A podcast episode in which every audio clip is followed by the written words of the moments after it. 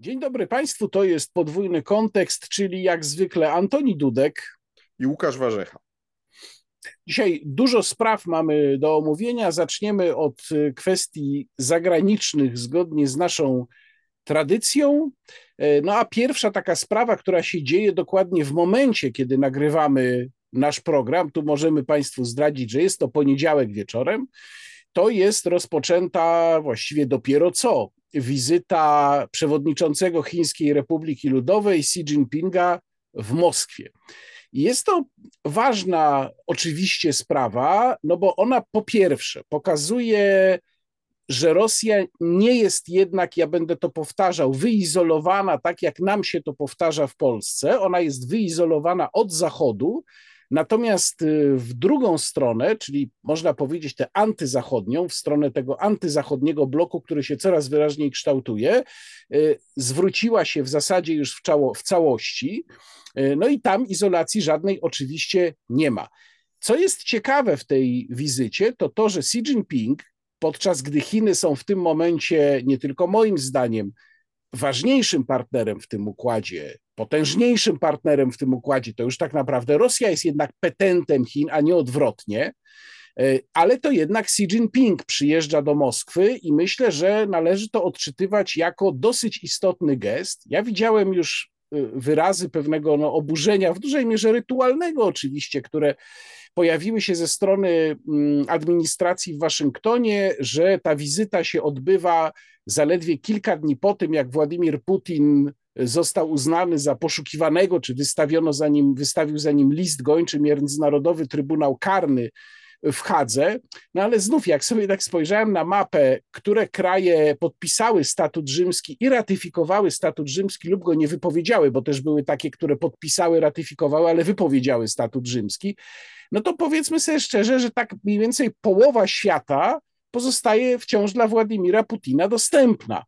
Mm, a jakby to było z zatrzymaniem w niektórych innych krajach, które niby są stronami mm, tego e, traktatu rzymskiego, to też jest, e, statutu rzymskiego, to też jest e, nie do końca pewne. Więc ja mam wrażenie, że tutaj w Polsce trochę na zasadzie propagandy jest tworzona taka wizja, że Rosja już jest kompletnym jakimś pariasem. No, no, nie jest. Oczywiście my nie wiemy na razie, w tym momencie, kiedy nagrywamy ten program, co konkretnie z tej wizyty wyniknie, no ale ona się odbywa w atmosferze, e, powiedziałbym, no może nie takiej bardzo kordialnej i bliskiej przyjaźni, ale jednak zapewnień o tym, że to jest ważna współpraca, że tej współpracy nic nie zerwie i że Chiny będą stały po stronie Rosji. E, no i to się dzieje też trochę w kontekście tego mm, dokumentu nazywanego błędnie planem pokojowym, który Chiny mm, zaprezentowały kilka tygodni temu. Tak naprawdę to się nazywa Globalna Inicjatywa Pokojowa, ale to nie jest plan pokojowy dla Ukrainy. Natomiast Ukraina jest jedynym państwem wymienionym z nazwy w tym dokumencie. Mm, więc y, może tam będzie jakiś element w trakcie tej wizyty nacisku na Rosję, ale jednak ja to odbieram głównie jako demonstrację wobec Zachodu, że owszem, Chiny są tym czynnikiem mitygującym, jeżeli chodzi o ewentualne rosyjskie plany jakiegoś zaognienia konfliktu, ale jednocześnie są mocno po stronie Rosji, nie dadzą się od Rosji oderwać, co mnie zresztą specjalnie nie zaskakuje, bo ta wojna, która wielokrotnie to mówiliśmy w naszym programie, jest przecież tą wojną przez pośredników, prawda, proxy war, ona tak naprawdę no, sprzyja ukształtowaniu się tych dwóch bloków. No i właśnie zdaje się, że widzimy, ta wizyta jest jednym z tych, z tych wydarzeń, które pokazują nam, jak te dwa bloki się w praktyce kształtują. Tak, zdecydowanie tak. Ja się całkowicie zgadzam z Twoją analizą i co więcej, powiem nawet mocniej, uważam, że być może to jest jedno z najważniejszych, o ile w ogóle nie najważniejsze wydarzenie od 24 lutego ubiegłego roku dlatego że y, y, ta wizyta ma wymiar symboliczny. Xi Jinping to nie jest polityk, który jeździ tak często i y, tam, gdzie jeździ, to rzeczywiście jest to poprzedzone starannymi przygotowaniami, bo tak Chińczycy prowadzą dyplomację i to jest pewna demonstracja. I sam fakt oczywiście, że przybył do Moskwy, a nie na przykład Putina wezwał do Pekinu, to też pokazuje, że jednak strona chińska nie stara się Moskwę jakoś otwarcie upokarzać. I to jest już bardzo istotny sygnał. Teraz jest pytanie, jaki może być ciąg dalszy? Ja bym postawił dwie możliwości, bo niewątpliwie Chińczycy czy Xi Jinping przyjechał tam po to, żeby się mocniej niż dotąd zaangażować w tą sprawę, tą, czyli wojny rosyjsko-ukraińskiej. I teraz jest pytanie, co to znaczy mocniej zaangażować? Tu są scenariusze, można powiedzieć, dwa możliwe. Jeden scenariusz to jest scenariusz konfrontacyjny, a drugi to jest scenariusz no, dokładnie odwrotny. Scenariusz konfrontacyjny oznaczałby, że Chińczycy y, mocniej się zaangażują we wspieranie y, y, Rosji, to już nie tylko w formie kupowania od niej surowców energetycznych, czy też jakichś tam już pierwszych dostaw broni, bo Ukraińcy właśnie pokazali jakiegoś chińskiego drona, którego im się dało zestrzelić, tylko no, dostaw na nieporównanie większą skalę różnych rodzajów broni. I to byłby oczywiście scenariusz, który by E, Putinowi najpewniej najbardziej odpowiadał, bo by mógł przeważyć szale e, tego konfliktu na korzyść Rosji. Natomiast czy tak będzie, tego nie wiem, bo mam wrażenie, że Chińczycy są jednak bardzo ostrożni i raczej podejrzewam scenariusz drugi. Tu bym był bardziej e, skłonny się do niego przychylać, że Chińczycy po prostu teraz będą rzeczywiście próbowali doprowadzić do zawarcia jakiejś formy rozejmu w tej wojnie i oczywiście wstępem jest ten plan, o którym wspomniałeś, pokojowy który gdyby go wcielić w życie, gdyby się strona zachodnia z Ukrainą na czele na to zgodziła, oznaczałby de facto no, zawieszenie broni według linii frontu z dnia, kiedy to zawieszenie broni e, by weszło życie, gdyby to była obecna linia frontu, w praktyce oznaczałaby, że Putin po ponad roku e, wywalczył dostęp lądowy e, do Krymu, bo to jest w istocie rzeczy najważniejsza zdobycz po tym roku. Ma ten, ten obszar, prawda, wzdłuż Morza Azowskiego, ten pas ziemi. No i ma jeszcze kawałek Donbasu, którego nie miał, nie miał przed 24 lutego e, ubiegłego roku, ale tu powiedzmy już ta skala tego sukcesu nie jest taka e, oczywista. I ten konflikt by uległ zamrożeniu na Bóg wie jak długo. E, moim zdaniem dla strony ukraińskiej, szerzej dla Zachodu ją wspierającego, taki scenariusz absolutnie w tej chwili nie wchodzi w grę, dlatego że tu powtórzę to, co mówiłem wcześniej na, w kolejnym, poprzednim naszym programie. Ja się spodziewam dwóch ofensyw. Ofensywa rosyjska wciąż trwa, przede wszystkim wokół Bachmutu i, i teraz się wokół Awdijewki te działania koncentrują i nic z nich nie wynika. To znaczy, to są walki klasyczne, przypominające wojnę pozycyjną, natomiast na pewno muszą podjąć swoją kontrofensywę Ukraińcy i w moim przekonaniu ten plan chiński będzie w zawieszeniu aż do tej kontrofensywy ukraińskiej, której ja się spodziewam wiosną. I dopiero później zobaczymy, co dalej. Zobaczymy, co dalej, y, co, co, co, co będzie wynikało z tego chińskiego pośrednictwa, bo jak mówię, dzisiaj Chińczycy proponujący na tych warunkach, które, które zgłosili de facto zawieszenie broni e, natychmiastowe i przy okazji wycofanie sankcji, bo tam ten plan e, pokojowy też przewiduje, że się wycofuje z sankcji, to jest dla Zachodu kompletnie nie do przyjęcia, bo Zachód musiałby właściwie przekreślić całą swoją dotychczasową politykę wobec Ukrainy i wobec tego konfliktu. Więc podsumowując, e, nie spodziewam się jakiegoś radykalnych zmian po tej wizycie, no chyba, że Xi Jinping by ogłosił, że e, uznaje, że Zachód e, prawda, e, prowadzi agresywną politykę, usiłuje, no zaczął powtarzać po prostu tą retorykę Putina, to wtedy rzeczywiście mielibyśmy bardzo poważną sytuację, dlatego że, tylko że to byłoby z kolei zmiana dotychczasowej polityki chińskiej, która w tej sprawie jest bardzo ostrożna. Więc ja mam wrażenie, że Chińczycy postanowili się bardziej zaangażować niż dotąd, ale to jeszcze nie jest powiedziane, że to musi nas prowadzić do dalszej eskalacji tego konfliktu, bo być może oni się się zaangażują bardziej w rozmowy pokojowe niż we wspieranie Rosji. I teraz jakby Xi Jinping tylko pojechał, żeby się osobiście dowiedzieć, jaka jest skala ustępstw możliwych Putina. Y, na co on tak naprawdę byłby się skłonny zgodzić w stosunku do tego, co jest w tej chwili, czyli do tej linii frontu, y, jak ona przebiega. I, i, i to będzie oczywiście niezbędne, jak się chce rozmawiać z drugą stroną, a wiemy już, że zapowiedziano kontakt Xi Jinpinga z y, prezydentem Zełeńskim, więc zapewne usłyszy on po prostu od chińskiego przywódcy, co też Putin jest skłonny w tej chwili e, e, zaakceptować. Natomiast no, strona ukraińska przyjmuje tutaj maksymalistyczne stanowisko, jak słyszeliśmy, e, oni w ogóle odmawiają rozmów z Putinem. Więc to, to pokazuje, że strona ukraińska jest dzisiaj kompletnie nie, nieskłonna do jakichkolwiek rozmów o rozejmie. Ale ja bym tutaj jeszcze dorzucił kolejne elementy do tej układanki, które moim zdaniem no, tworzą taki dosyć jednak niebezpieczny z polskiego punktu widzenia obraz. Nie chcę powiedzieć, że scenariusz, bo to raczej są pewne fragmenty.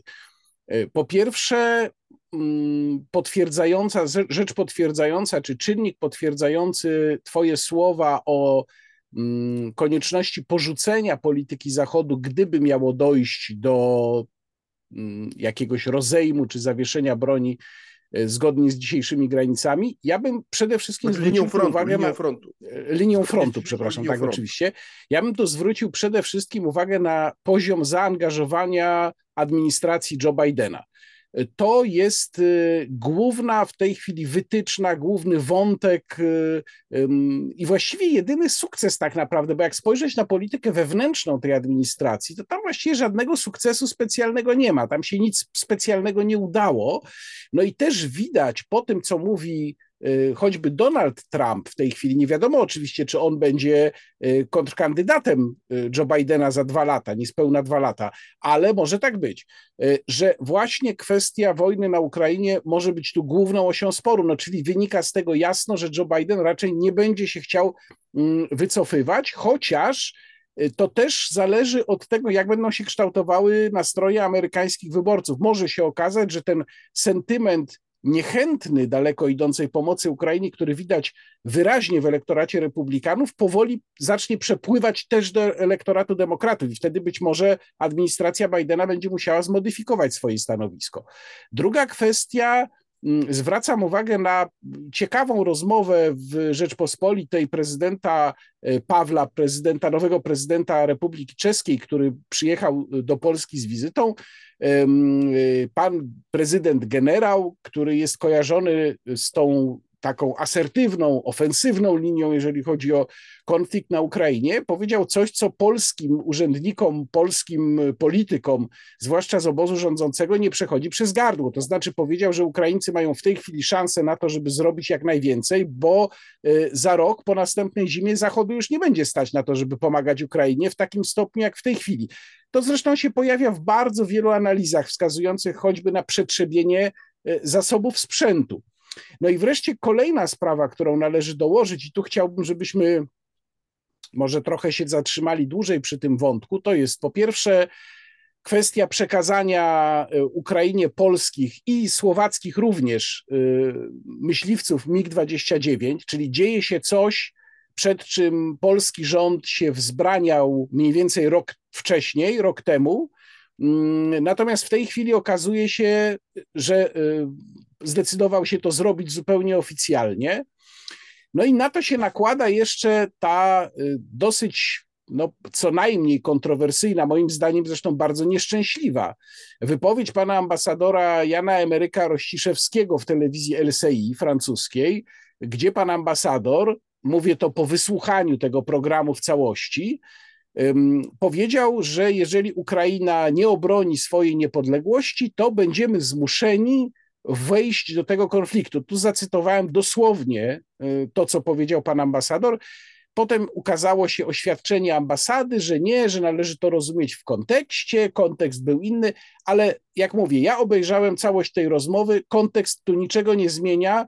To było zupełnie wprost jasne, wyraźne, jednoznaczne stwierdzenie pana ambasadora. No i teraz jest pytanie, czy coś za tym stoi? To znaczy, krótko mówiąc, czy pan ambasador Rościszewski po prostu tak sobie walną, nie przemyślawszy tego, czy też to jest odbicie nastrojów, które gdzieś tam za kulisami naszej rządzącej elity są, czy może to jest jeden z wariantów zupełnie mm, na serio rozważanych, oczywiście nieoficjalnie, bo my jako obywatele nic o tym nie wiemy.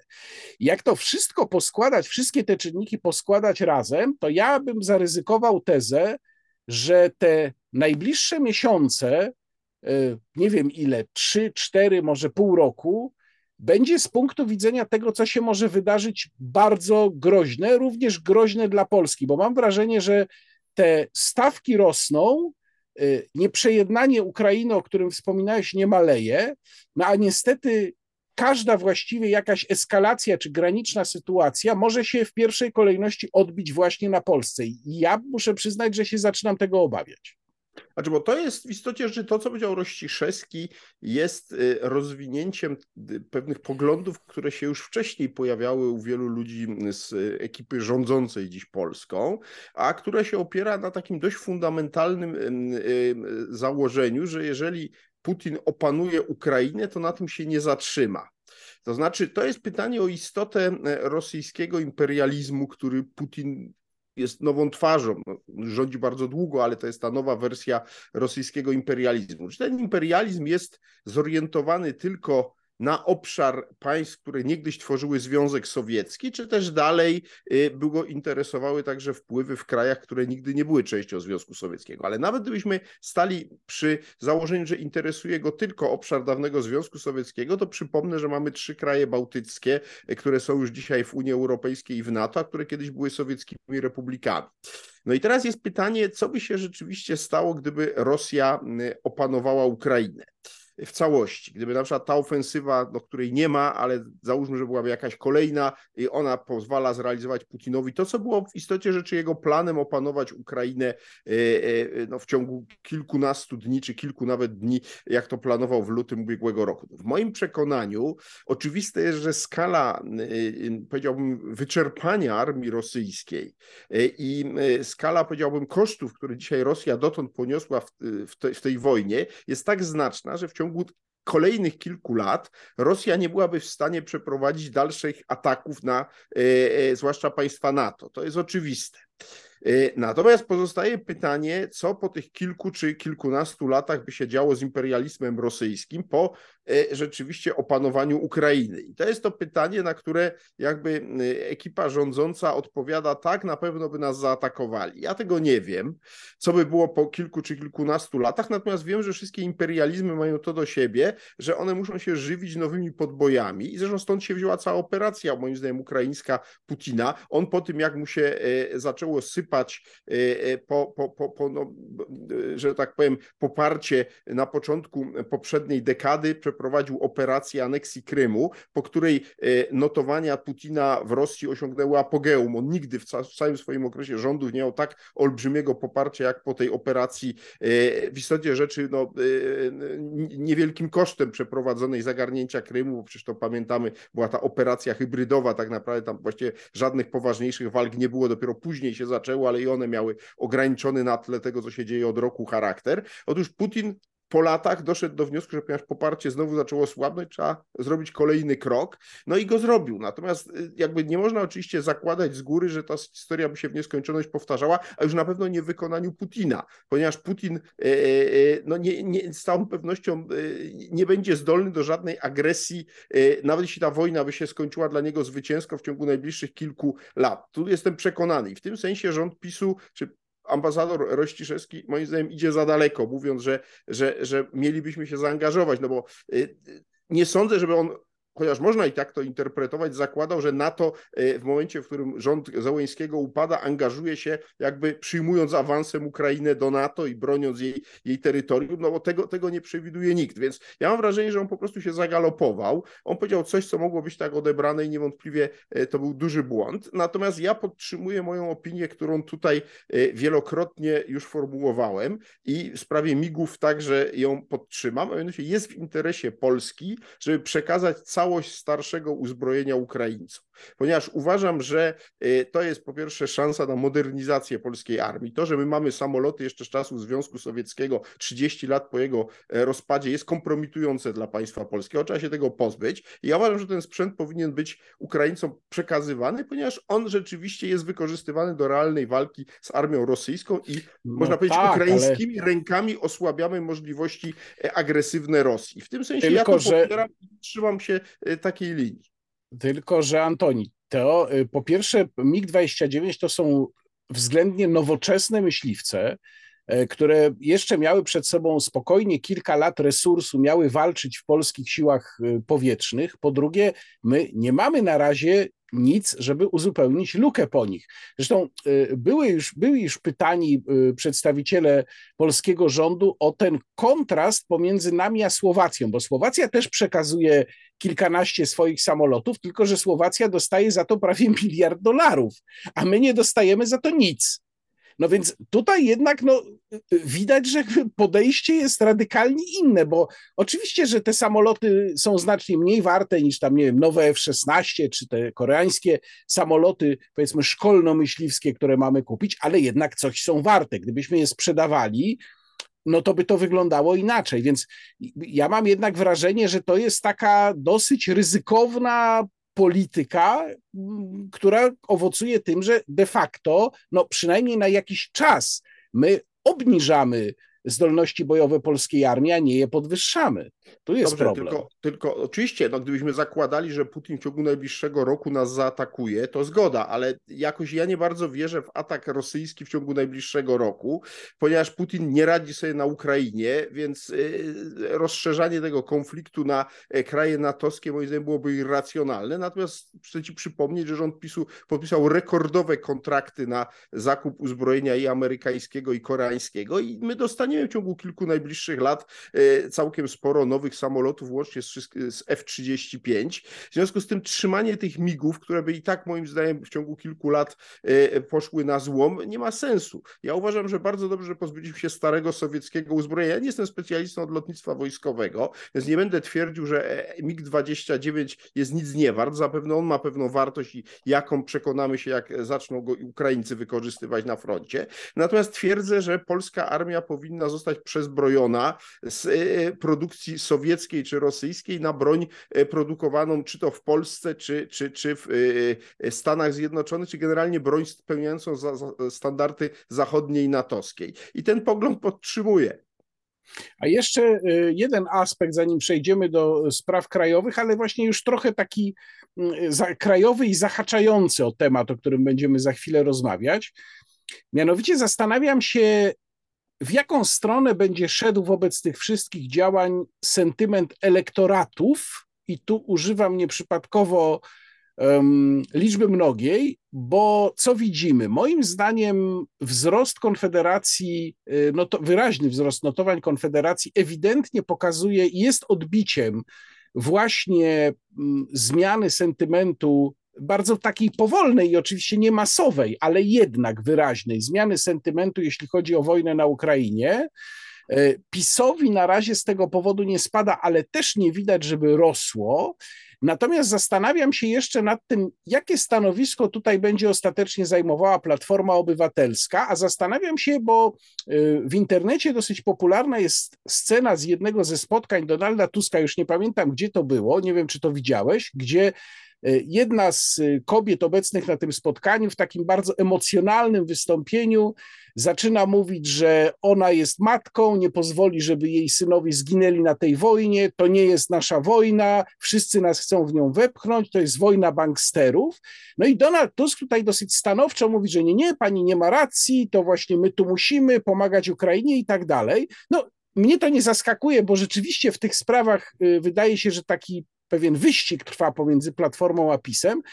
Natomiast zastanawiam się, czy na przykład może się okazać, że jest jakiś taki moment, w którym Platforma dochodzi do wniosku, że jej się jednak nie opłaca takie pompowanie tej wojennej retoryki i w ogóle jakie znaczenie ten temat będzie miał, im bliżej będzie wyborów. Ja bym dzisiaj postawił tezę, obserwując te zmiany, które widać e, w sondażach niepartyjnych, tylko dotyczących nastawienia wobec wojny mm, na Ukrainie, że około 30 paru procent elektoratu w momencie, kiedy będziemy mieli wybory, zakładając, że się nic takiego nagłego bardzo nie wydarzy, że 30 parę procent elektoratu będzie nastawione zdecydowanie już wtedy, powiedziałbym, wojenno-sceptycznie.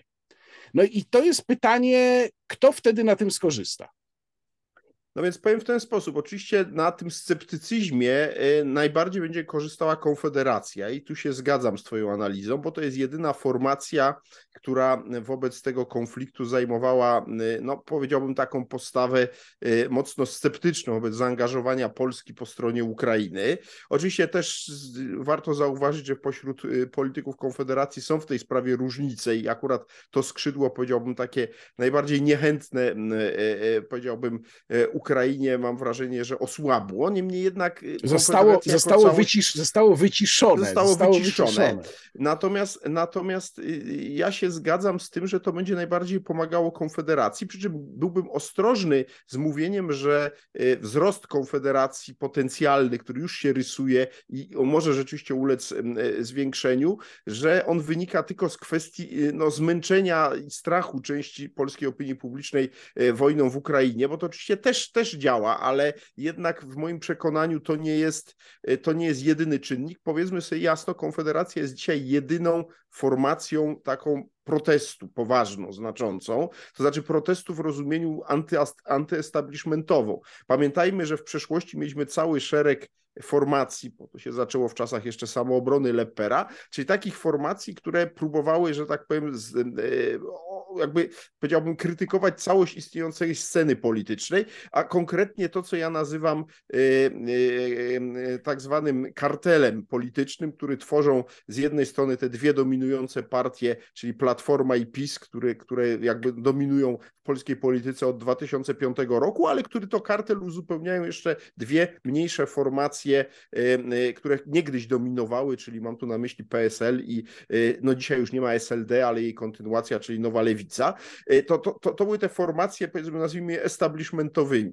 No i teraz co i róż ktoś, a to kiedyś był Lepper, później to był Prakukiz, a z innej strony Palikot, próbowały ten, ten, ten kartel jakby zepchnąć, no i udawało mi się zazwyczaj wprowadzić pewną grupę posłów do Sejmu, po czym to się rozjeżdżało, nic z tego nie wychodziło. Teraz być może będziemy mieli do czynienia z nową sytuacją, a mianowicie teraz być może Konfederacja będzie pierwszą formacją właśnie antyestablishmentową, która będzie mogła za sprawą pogłębienia procesu polaryzacji zdziałać więcej dla rozbicia tego kartelu niż e, dotąd e, wszystkie poprzednie. Dlaczego? Bo wygląda Przepraszam, na to... jeszcze, jedna, jeszcze jedna nowa rzecz. Y, skoro mówisz o nowej rzeczy, to znaczy może być pierwszą formacją z tych antyestablishmentowych, która jedną kadencję była w Sejmie i następną jeszcze powiększy stan posiadania zamiast się rozpaść. To jest Dokładnie tak, bo ku temu zmierzam właśnie w kontekście y, sondażu, który został y, ogłoszony y, w poniedziałek przez Gazetę Wyborczą,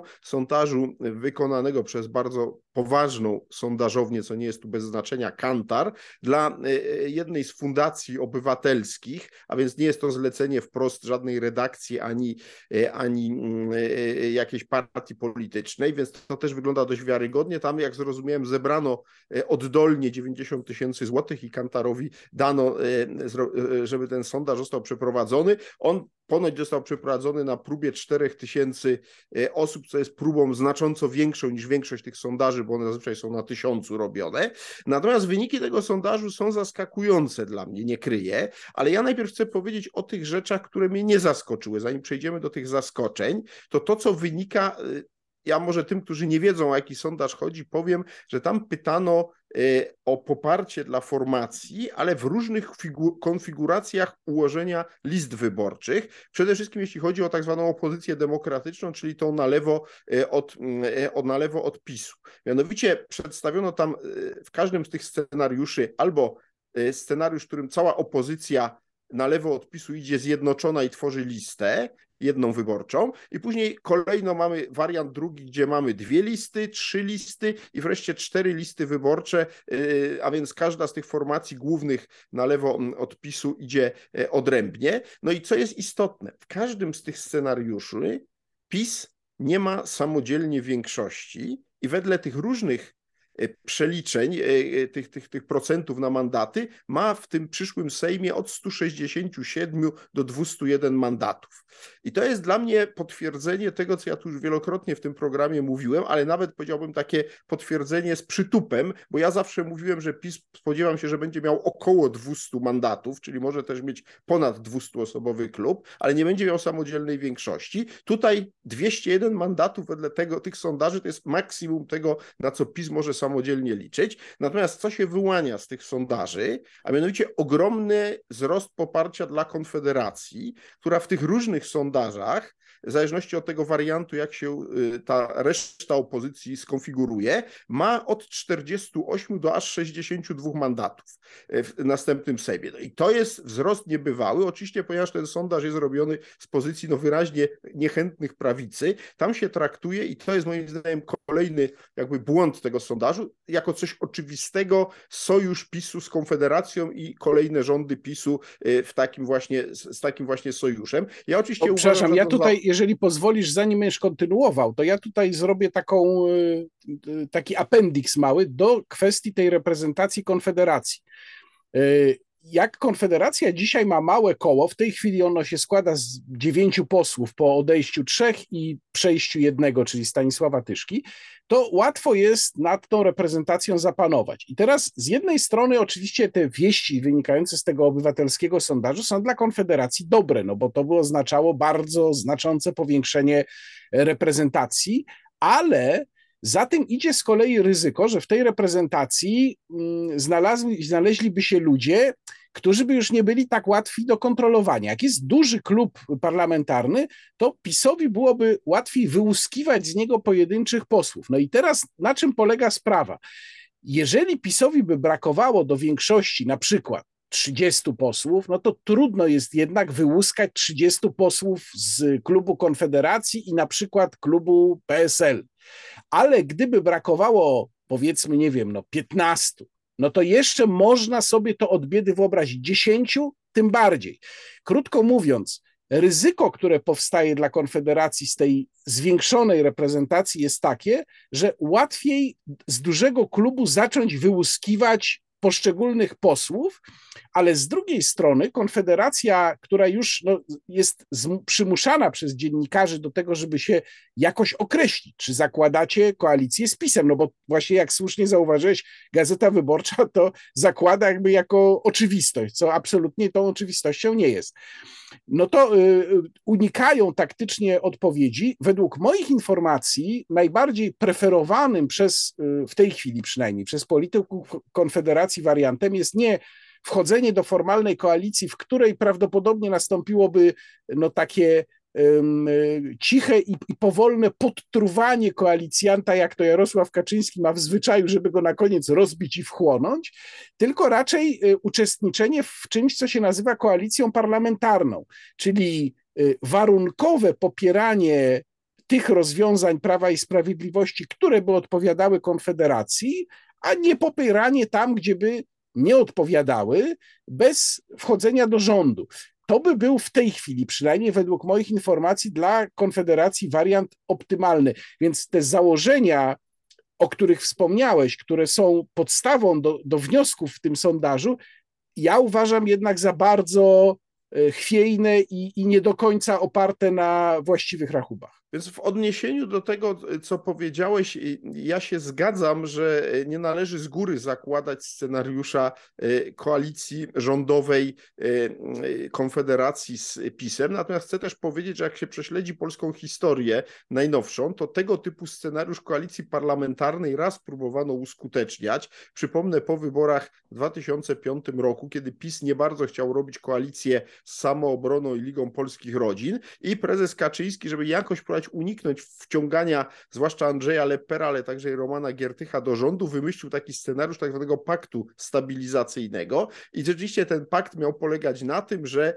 te dwie mniejsze partie miały popierać różne ustawy, które PiS miał e, e, zgłaszać w Sejmie, nie wchodząc do rządu, w zamian za oczywiście różnego rodzaju korzyści. No problem w tym, że ten pakt stabilizacyjny od samego początku zaczął szwankować, bo Lepper bardzo chciał wejść do rządu. Giertych może mniej, ale ponieważ część jego zaplecza politycznego z Ligi Polskich Rodzin bardzo chciała, w końcu został do tego też zmuszony, a zarazem no, y, nagle się okazało, że y, nie bardzo się po prostu da tak funkcjonować. W Polsce taka, ta, nie ma po prostu takiej tradycji y, koalicji parlamentarnych. Dlaczego? Dlatego, że jest ogromne ciśnienie jednak polityków na to, żeby wchodzić do rządu, że to jest to miejsce, gdzie można realnie coś zmienić, a w tym parlamencie to tak naprawdę nic się nie da zrobić, można sobie tam tylko pogadać i to jest ten problem. Konfederacja będzie wtedy przez PiS poddana ogromnemu ciśnieniu, żeby od tej koalicji parlamentarnej możliwie szybko wejść y, do koalicji rządowej i to będzie robione poprzez rozmowy zakulisowe z posłami, który się będzie przekonywać, no panie pośle, jak wy tu wejdziecie, to dla pana stanowisko wiceministra takiego czy innego resortu już jest przygotowane. Jak to kiedyś mówił jeden z współpracowników Kaczyńskiego, stanowisk mamy dużo, prawda, do obsadzenia. I to, i to, i to, i to może zadziałać, więc w tym sensie Konfederacja jednak jako formacja niezbyt spójna będzie jednak poddana e, pewnej e, e, silnej presji i wtedy się okaże, ilu z nich się, no mówiąc krótko, na to zdecyduje, a ilu nie. Natomiast wróćmy jeszcze do tego sondażu, wróćmy jeszcze do tego sondażu, bo on jest jeszcze ciekawy z innego względu. Mianowicie on nie kryje, że idzie kompletnie pod prąd mojego przekonania dotychczas głoszonego. Mianowicie ja, y, kiedy trwały te dyskusje na temat jedna lista czy dwie listy, ja twierdziłem, że można mnożyć argumenty y, zarówno za tym, że jedna lista tej opozycji na lewo odpisu jest równie korzystna co dwie listy. Natomiast podkreślałem pogląd, że więcej niż dwie listy oczywiście jest dla opozycji tej, e, powiedziałbym, na lewo odpisu niekorzystne. I teraz co wynika z tego sondażu? E, o którym tu cały czas mówimy. Otóż okazuje się, że wariant z dwoma listami przy czym przez wariant z dwoma listami jest, należy rozumieć taki, że z jednej strony ruch Hołowni i PSL idzie z jednej listy i z drugiej idzie Lewica z Koalicją Obywatelską. Otóż w świetle tego, co tutaj mamy, to to jest ponoć scenariusz najgorszy z punktu widzenia opozycji, a najlepszy z punktu widzenia PiSu. I to muszę powiedzieć, mnie zaskoczyło. Otóż y, jakby domniemanie tego jest takie, że podobno połączone siły Tuska i Czarzastego z Biedroniem y, odstręczają taką ilość wyborców opozycyjnych od pójścia do głosowania, że w efekcie cały ten układ traci najbardziej. Dla mnie to nie kryje zaskakujące, y, bo ja tego tak nie postrzegałem i jest dla mnie jakieś ukryte założenie, którego ja, ja po prostu nie jestem w stanie zrozumieć, dlaczegoż to ci ludzie mieliby aż tak się bardzo, aż tak bardzo się mm, e, e, zniechęcić do, do, do, do głosowania na zwłaszcza koalicję obywatelską, gdyby ona poszła z lewicą razem.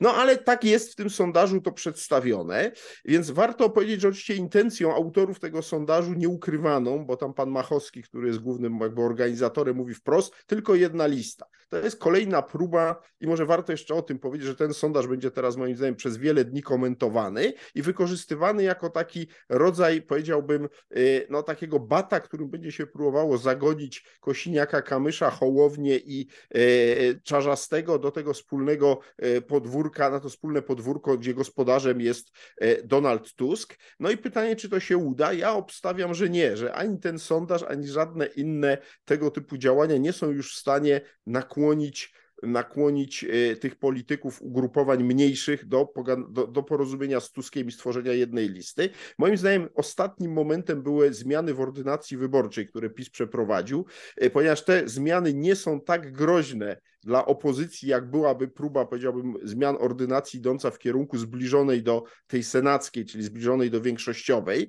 E, I to moim zdaniem był jedyny, jedyny mechanizm, który mógłby nakłonić tych, działa, tych polityków mniejszych formacji do dogadania się z Tuskiem. W sytuacji, w której, e, w której e, e, jednak te, tych zmian nie ma w ordynacji wyborczej w tym kierunku idących, to moim zdaniem będziemy mieli więcej niż jedną listę. Pytanie ile? No ja podtrzymuję moją ocenę sprzed już dwóch tygodni wcześniej.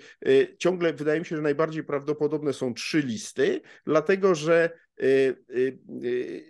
ewidentnie Hołownia z Kosiniakiem się zaczęli dogadywać i ten ten sondaż, o którym tu mówimy, daje kolejny, że tak powiem, pretekst do dogadania się, ponieważ ten scenariusz, w którym każdy idzie odrębnie, wedle tego scenariusza PSL nie przekracza progu. Dostaje tam nieco ponad 4% głosów i nie dostaje się do następnego Sejmu, co jest wyrokiem śmierci no, dla, tej, dla tej formacji i dlatego prawdopodobnie Kosiniak pójdzie na bardzo daleko idące ustępstwa wobec Hołowni, jeśli chodzi o układanie wspólnej listy, a z kolei Hołownia też zaczął bardzo mocno słabnąć e, e, kosztem Platformy Obywatelskiej e, i tracić poparcie, w związku z tym też, żeby się ratować, żeby jakby no nie spaść poniżej tego progu 10%, a wiele sondaży pokazuje samodzielnie ruchowi Hołowni już poniżej 10%, dogada się z Kosiniakiem. A Lewica raczej się nie dogada z Tuskiem, bo choćby ten sondaż właśnie ich do tego zniechęca, więc będzie będziemy mieli trzy listy opozycji e, e, na, na, e, na, na, na najprawdopodobniej.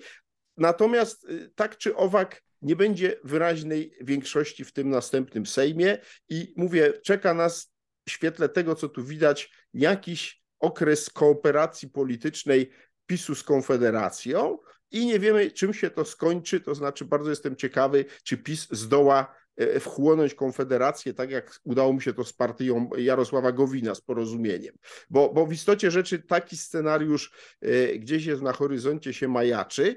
Moim zdaniem to jest mało realne. Partia Gowina była dużo mniejsza, weszła na grzbiecie prezesa Kaczyńskiego, zresztą tak jak ziobryści do Sejmu. Konfederacja ma silniejszą tożsamość, no ale właśnie, czy ona ma tożsamość odrębnej formacji? Raczej właśnie jest konfederacją, jak sama nazwa wskazuje, a więc ciągle zlepkiem różnych środowisk i jest pytanie, czy y, rzeczywiście w tej formule ona jest w stanie przetrwać, mając naprzeciwko siebie tak silnego gracza jak PiS z Jarosławem Kaczyńskim na czele i tu jestem sceptyczny, zatem wróżyłbym Konfederacji rozpad po wyborach właśnie z powodu tego, że część tych posłów by się dała kupić PiSowi, część by się nie dała kupić i raczej ta formacja po prostu nie przetrwa zderzenia z y, potencjalnym, no właśnie takim, takim zderzenia z Jarosławem Kaczyńskim jako, jako sojusznikiem.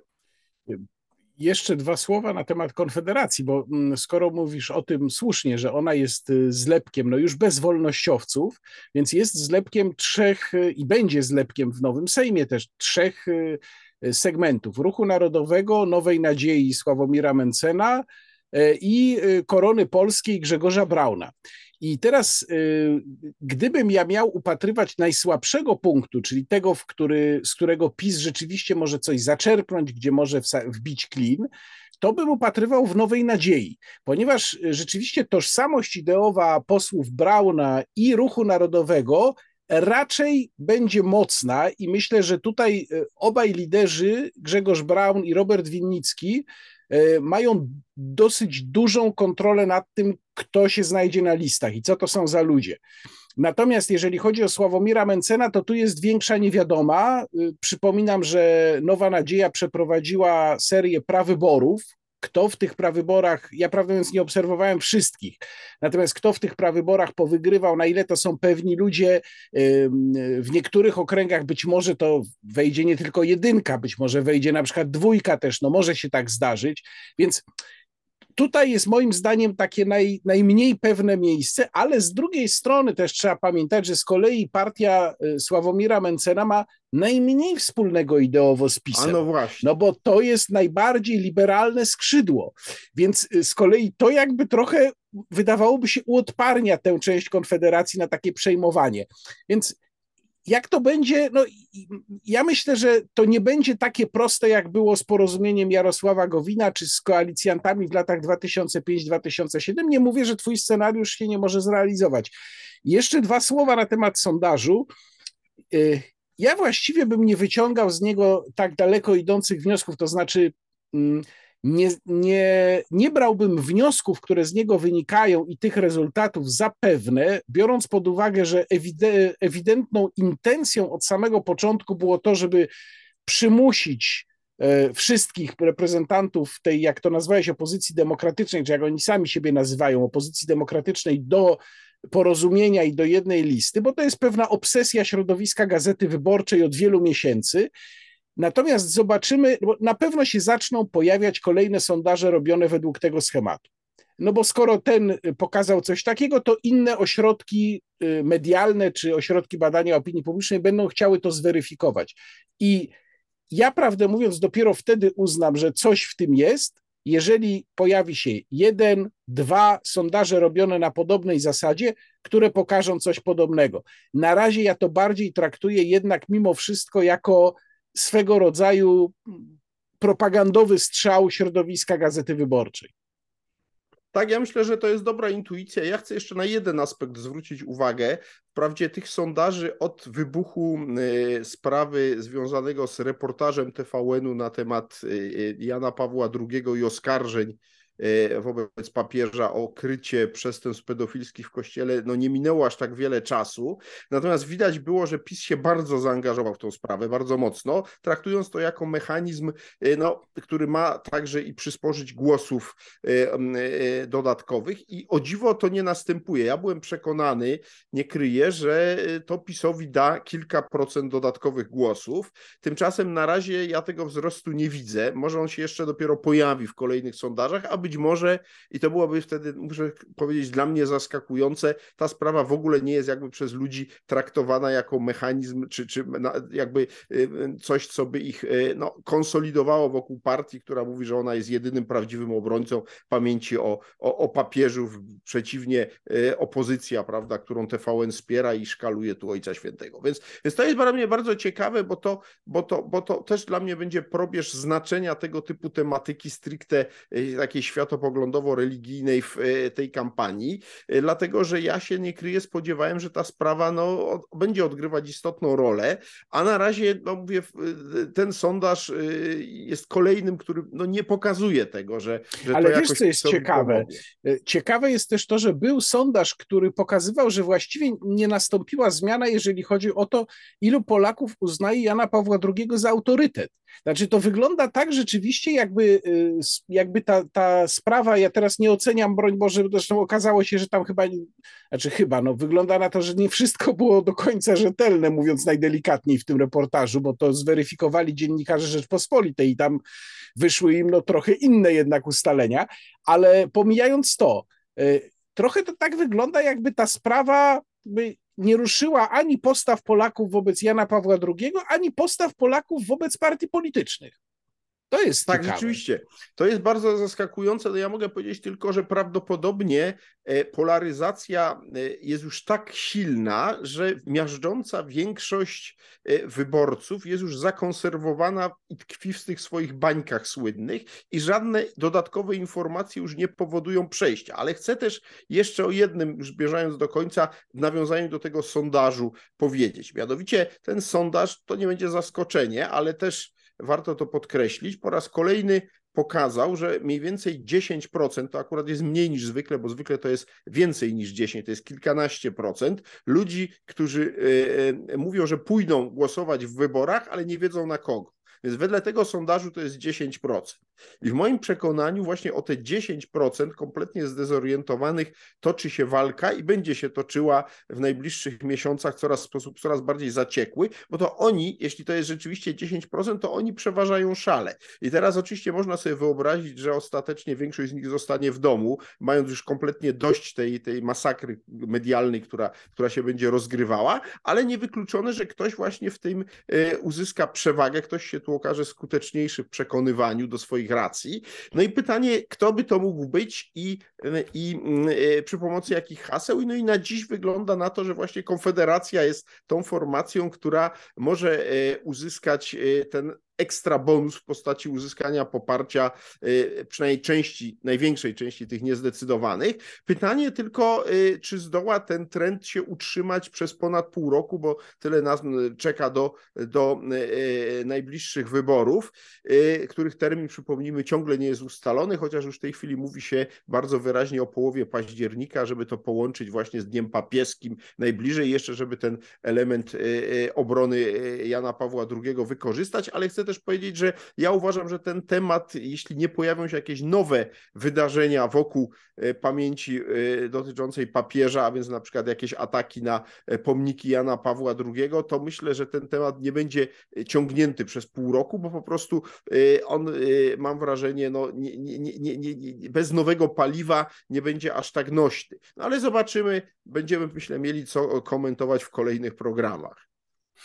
No to na koniec jeszcze autoreklama, czyli przypominam, że na tym kanale mogą Państwo poza naszym programem y, z Antonim Dudkiem zobaczyć mój wideoblog, cykl Konstytucja Wolności, także rozmowy w cyklu Rozmowa Niekontrolowana. Oczywiście do oglądania wszystkich tych materiałów zachęcam, ale także e, zachęcam do oglądania kanału Antoniego e, Dudek o historii, bo tam e, z tego co widziałem chyba dwa nowe materiały, powiedz Antoni. Tak, no w tej chwili jest od kilku dni nowy materiał dotyczący afery Fozu i związków tej sprawy z redukcją zadłużenia zagranicznego Polski po epoce PRL. Myślę, że to bardzo ciekawe i, i mówię tam o różnych interesujących także także sięgających współczesności wątkach. No i niedługo wrócę do roku 89, będzie za kilka dni, już go zapowiem, kolejny program, który będzie opowiadał o tym, w jaki sposób generałowi Jaruzelskiemu udało się zostać prezydentem, czyli mówiąc krótko, kulisy wyborów prezydenckich w roku 89. Także serdecznie zapraszam do tego historii. Można oglądać kolejne programy. Ja muszę się przyznać, że ja tych wyborów prezydenckich, które były wtedy pośrednie, no bo głosowali. Przez Zgromadzenie Narodowe. Tak. Zgromadzenie Narodowe głosowało.